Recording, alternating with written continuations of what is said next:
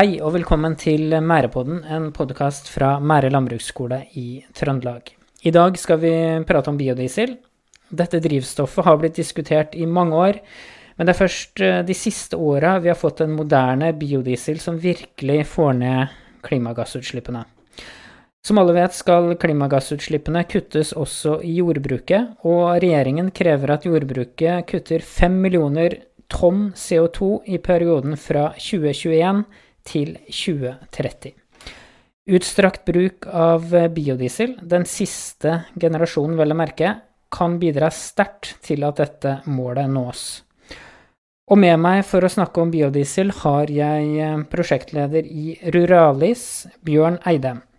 Og først av alt, Bjørn, velkommen hit. Jo, takk for det. Ja. Du må forklare litt uh, hva biodiesel er, først. Jo, eh, biodiesel, altså vi får kanskje starte med diesel, da. Eh, Rudolf Diesel eh, laga dieselmotoren for litt over 100 år siden. Eh, den ble en suksess og danka ut eh, dampmaskiner. Jeg har en konkurrent som heter Ottomotoren. Det vi kjenner som bensinmotor i dag. Og eh, Ja, vi skal ikke gå inn på forskjellene, men eh, dieselen er jo Altså dieselmotoren eh, er jo kraftigere og kan bygge større og bli mer effektiv i mange sånne tungarbeidssammenhenger.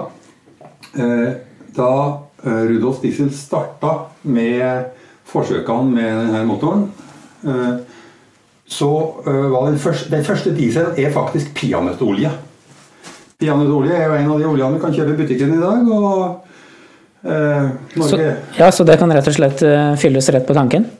Ja, det kan, han gjorde det, han. Ja. Og fikk det til å fungere. Eh, eh, jeg tror at det er sånn at eh, så Norge er jo et sånt smør- og margarinland. Og jeg tror at de første mat, flytende matoljene som, som kom da i min uh, verden, var soyaolje på 60-tallet. Og så ble det jo gradvis uh, eh, rapsolje, men også solsikkeolje og mange andre ting finner vi. Og vi finner jo også da nå eh, eh, jordnøttolje eller peanøttolje i en velassortert eh, eh, dagligvarebutikk. Så det er ikke noe merkelig der. Eh, jeg tenkte vi kunne se på hva denne opprinnelige dieselen egentlig er for noe. Ja, for Da har, vi, da har vi vært på kjøkkenet her på Mære landbruksskole ja, og så fått tak i en sånn storhusholdningspakning med, med rapsolje, rett og slett. ja, for de som ikke ser det her på video, så er det en sånn tiliters dunk da, som det står eh, rapsolje fra, som kommer fra kantina her Ja, på Mære landbruksskole. står det, og Ja. hvem som har levert den her, det er jo ikke så farlig da, men det er Harlem Foods som har eh, levert den her. Det er, Ja. det er broren til gamle statsministeren som er i den 800 butikken som har levert den her da. Jeg tror Ja. det er sånn grossistvirksomhet Ja. Ja. I hvert fall, den ser sånn ut når vi tar ut innmaten her. Passe på så ikke punkteringer, for da blir det grusomt.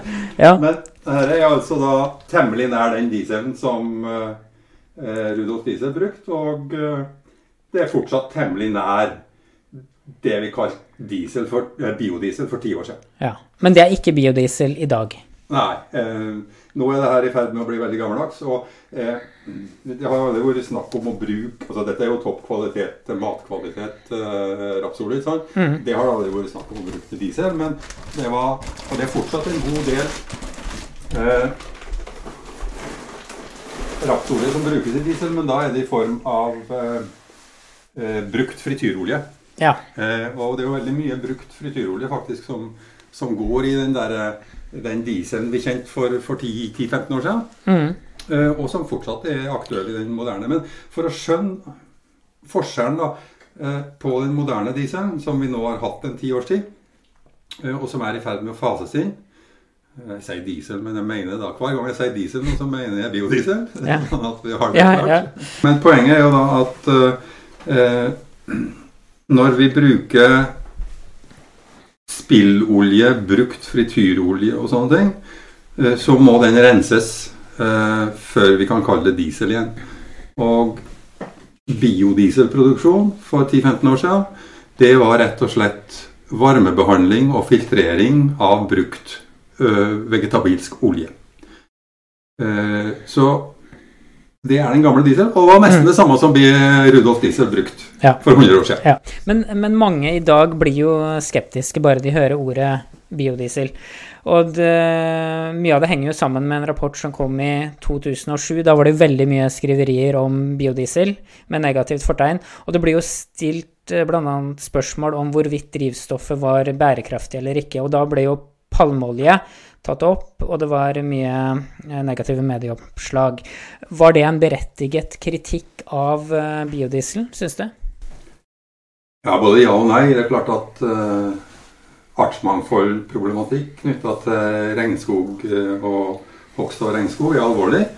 Og også klimaproblematikk i forhold til regnskog og hogst regnskog er alvorlig. Så det var, det var berettiget at debatten kom opp. Men det er feil å gi biodiesel skylda for de problemene som er knytta til regnskog og regnskoghogst. Mm. Hvorfor det?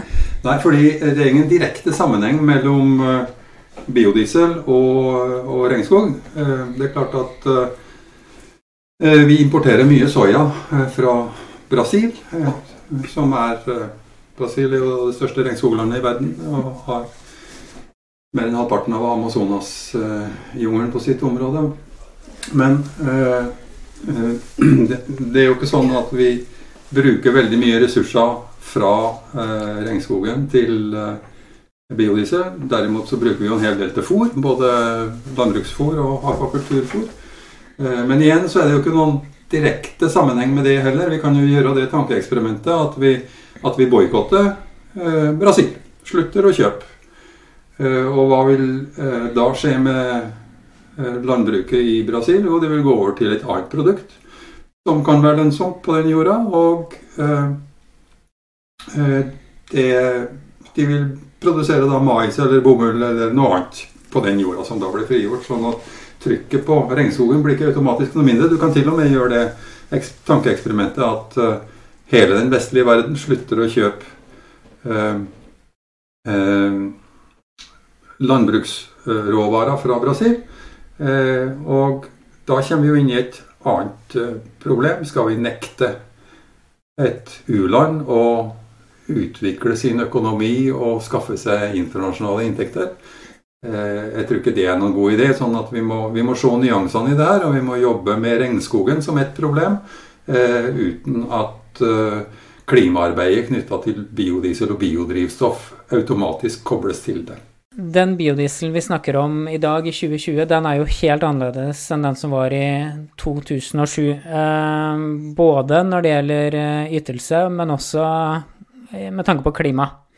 Kan du si litt hva var det som Hva er det som har skjedd med biodieselen de siste 15 åra? Jo, eh, det har skjedd det at eh, ja, Mens vi tidligere hadde biodiesel som var vegetabilsk olje, eller annen olje, eh, som rett og slett var rensa og varmebehandla, og deretter fylt på tanken, så har vi nå fått en biodiesel som er et raffinert produkt. Det er et oljeraffineriprodukt. Eh, og eh, et oljeraffineri er jo i all hovedsak et destillasjonsapparat. Det er noe cracking og noe isomering og, og litt i tillegg, men, men, hovedsakelig så er det et uh, destillasjonsapparat. Uh, og dermed så får vi nesten identisk samme kvalitet som vi har med mineralolje, og da blir uh, dieselproduksjon en totrinnsproduksjon. Først så lager vi råolje, og det kan vi få fra Nordsjøen eller annen, et annet oljefelt, men vi kan også få det fra veldig mange andre bioråstoff. Vi er ikke nå avhengig av å bruke eh, vegetabilsk olje. Vi kan bruke f.eks. avfall fra eh, skogsdrift. Og eh, da går altså da det her skogbruksavfallet det går inn i en biologisk prosess hvor det brytes ned og blir blir en slags graut. Jeg tror fagfolkene i, i, bransjen kaller det for en slurry. Ja. ja. Og det er det da som blir eh, bioråoljen, kan du si. Ja. Og, og den går inn i raffineriet på samme måte som eh, fossil råolje, og så blir den til det produktet vi kjenner som, som, som diesel. Og det er jo den um, biodieseltypen uh, vi snakker om i dag. Og, og, det var jo et forsøk her uh, i fjor der uh, ti gårdbrukere var med i det feltforsøket. De um, fylte biodiesel da, på hver sin traktor, og de skulle kjøre nøyaktig et helt år. Og um, godt ute i forsøket ble flere av dem intervjua. Og vi skal spille et lite klipp uh, hva de svarte på spørsmålet om hvordan biodieselen fungerte. Det gikk opp veldig bra. Ikke noe problem med verken start, kjøring eller drift. Og uten at det er noe dokumentasjon på det, så tror jeg faktisk at dieselforbruket har gått ned. Tidligere har vi ikke målt det. Men nå har vi målt, og han bruker mye mindre enn det som er oppgitt, og jeg føler at det er mindre enn det som er gått før. Og så en annen ting at eh, de traktorene ryker mindre, i hvert fall de her. De gjør det med vanlig diesel. Ja. Stor forskjell på røyk, ja. Det går an å kjøre i hus nå. Kuldeproblematikken det har gått uh, likere enn i fjor. Ja, ja. Det har gått veldig bra. Ja. Ikke brukt motorvarmer i år heller, ja. Hvordan har det gått å kjøre? med biodiesel? Ikke merka noe problem, tror jeg. Det har vært verken positivt eller negativt. Eh, samme, samme effektene på traktoren, tror jeg, uten at det er målt noen ting. Det ble så vidt målt når vi begynte, men eh, så ble det å se etterpå. Men jeg tror ikke jeg merker ikke det daglige, i hvert fall. Du hørte Snorre Ystad, Bjørnar Mo og Kåre Marius Holtan, alle svært uh, positive til uh, biodiesel, altså. Og det var utviklingsleder på Mære landbruksskole, Tove Hatling Ystad, som hadde intervjuet uh, gårdbrukerne. Og dette er jo utelukkende positive tilbakemeldinger, Bjørn Eidem. Hvorfor er da ikke biodiesel allerede rullet ut på det norske markedet? Ja, det har med pris å gjøre. Eh, jeg tror at gårdbrukerne veldig gjerne, eller det sa de jo veldig klart, da, at de vil gjerne, gjerne eh, ta i bruk den nye biodieselen. Eh, men det er jo vesentlig dyrere foreløpig. Ja, for hvor mye dyrere er det i dag? Ja, det, er 5 kroner dyrere per liter. Og det er det ingen snarlige utsikter på å få dekket det gapet. Mm.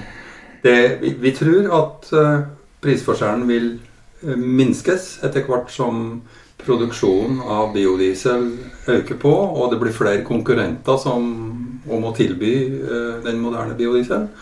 Men uh, utviklinga går sakte, og uh, vi må si at myndighetene er ikke raske nok til å hjelpe til med avgiftsstrukturen. Mm. Vi skal komme litt tilbake til avgiftene litt seinere.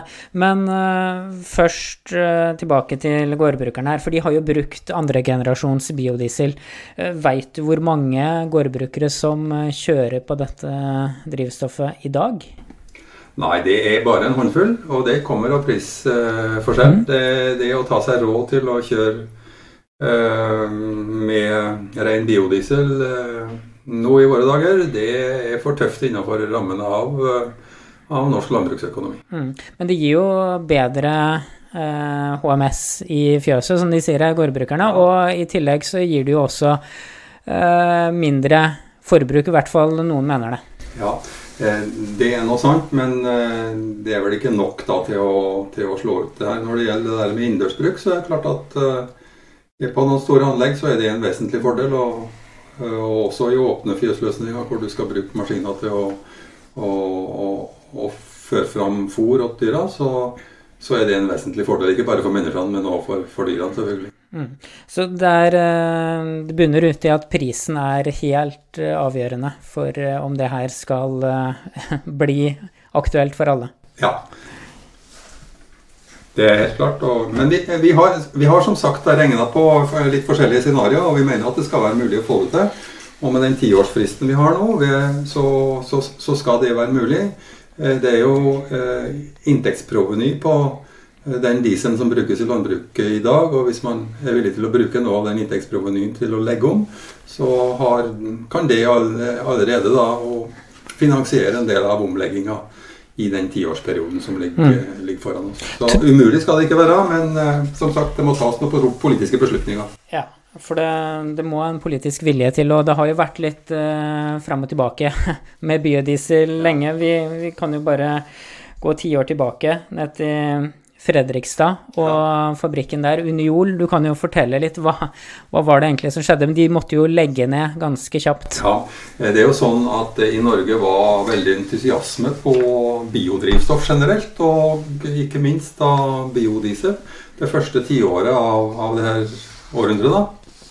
Eh, og eh, det var optimisme, og det var flere investorer som samla seg om å, om å finansiere anlegg. Eh, og det anlegget du refererer til i Fredrikstad, var jo da på det tidspunkt veldig altså det, var, det var ledende både på teknologi og uh, hadde store ambisjoner.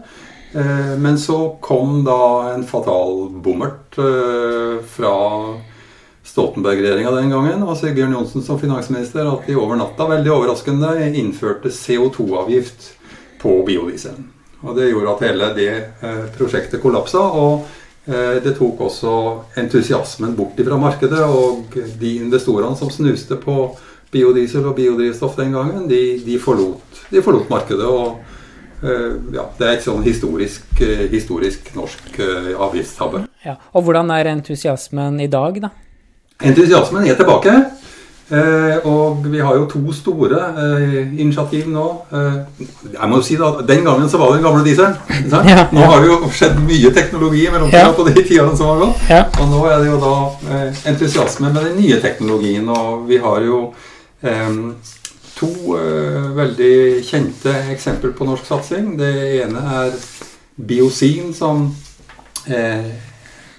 springer ut fra et firma på Åmli. Og så har vi også Silva Green Fuel, som har et stort testanlegg på Tofte.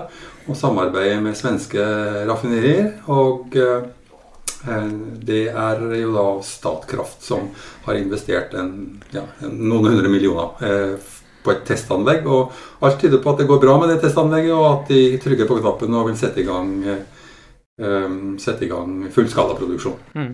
Og de forsøkene som er gjort uh, i Norge da, på uh, traktorer som går på konvensjonell diesel, som da har fylt på biodiesel, hva, de resultatene, hvordan uh, brukes de for å få fortgang i det her i dag?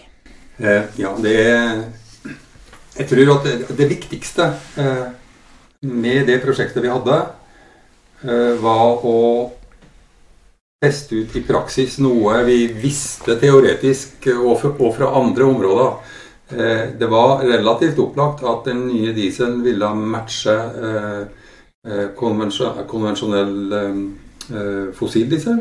Men det hadde ikke vært prøvd ut før. Og hele næringa var full av erfaringer med den gamle dieselen, som var mer eller mindre ja, det var, var, var, fra dårlig til middelmådig. Det og det gikk veldig mange historier om ting som hadde gått gærent med motorhavarier og, og, og, og, andre ting. Sånn at det å få testa ut det i praksis og vise at den nye dieselen er noe helt annet enn den gamle, det var viktig.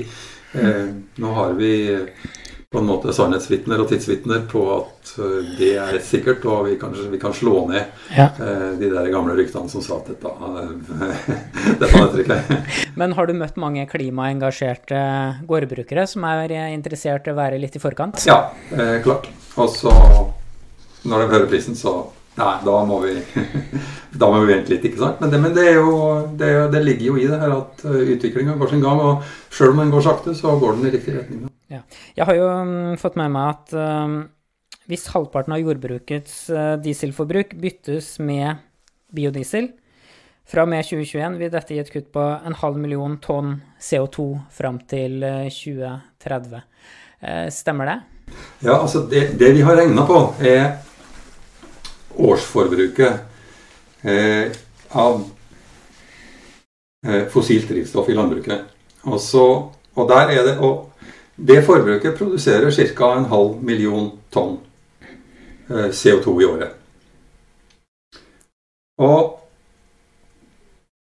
all dagens eh, eh, fossile drivstoff kan erstattes med biodrivstoff.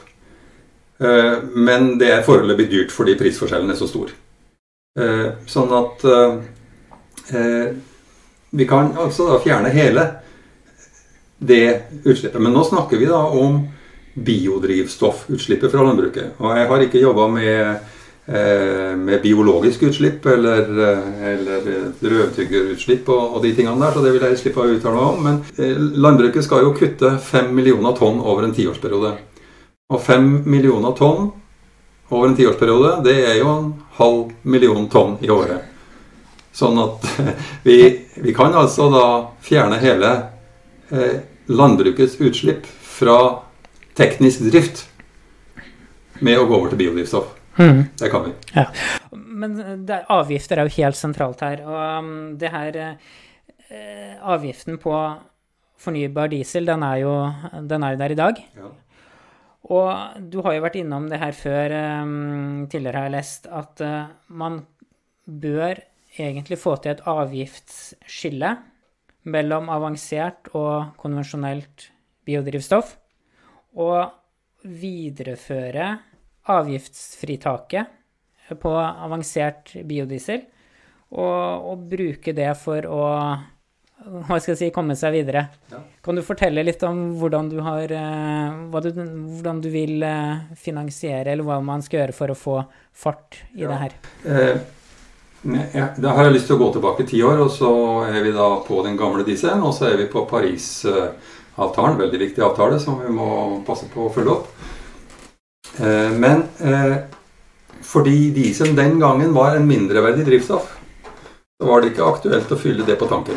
Ja, mindreverdig, hva legger du i? Ja, I den forstand at du fikk eh, motortrøbbel og tette dyser og i verste fall motorhavari. ikke? Eh, så derfor så var strategien den gangen å blande dieselen i fossil diesel. Det er biodieselen i fossil ja, diesel. ikke sant? Ja. Mm. et innblandingskrav. Ja. Og, innblanding, og det er jo da måten å, å, å gjøre det her på i veitrafikksektoren. Sånn innblandingskrav, og innblandingskravet øker, og det blir stadig flere prosent biodiesel i den dieselen vi fyller som konvensjonell diesel på, på pumpa på bensinstasjonen. Og da eh, oppnår du selvfølgelig å tynne ut den der gamle dieselen som var farlig for motoren.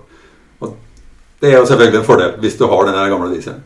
Men så har dette stivna og blitt sporet, sånn at eh, når eh, regjeringa skal skru på biodieselskruen, så øker de innblandingskravet. Eh, og det eh, er jo da uheldig av flere grunner. Det er uheldig fordi eh, du da stigmatiserer biodiesel, for du får ikke kjøpt biodiesel uten at det er 90 eh, fossildiesel i den, og da blir den aldri populær i miljøbevegelsen i hvert fall. ikke sant? Mm. Sånn at det er mye bedre å få den i ren vare, for da kan du få entusiasme rundt den. Og eh, hvis du kanaliserer eh, da eh, den nye biodieselen til sektorer som trenger det mest, f.eks. landbruket. Med sektorer som trenger det mest, så mener jeg f.eks. Eh, de det er vanskelig å elektrifisere. Eh, og det er mye lettere å elektrifisere veitrafikk enn å elektrifisere eh, tungt arbeid med traktor, pløying og sånn. Så Derfor så tror jeg det er gode argument for å kanalisere biodieselen til landbruket.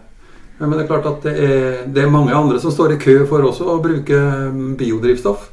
Og eh, nå har vi også fått et innblandingskrav i flybensin, som er riktig lite foreløpig. Men det er klart at flytrafikken er jo en, et vesentlig mye større problem enn en, enn- enn landbruk eh, noen gang kommer til å bli. Men Må noen andre gå foran, noen andre transportsektorer gå foran eh, landbruket og vise veien på biodrivstoff?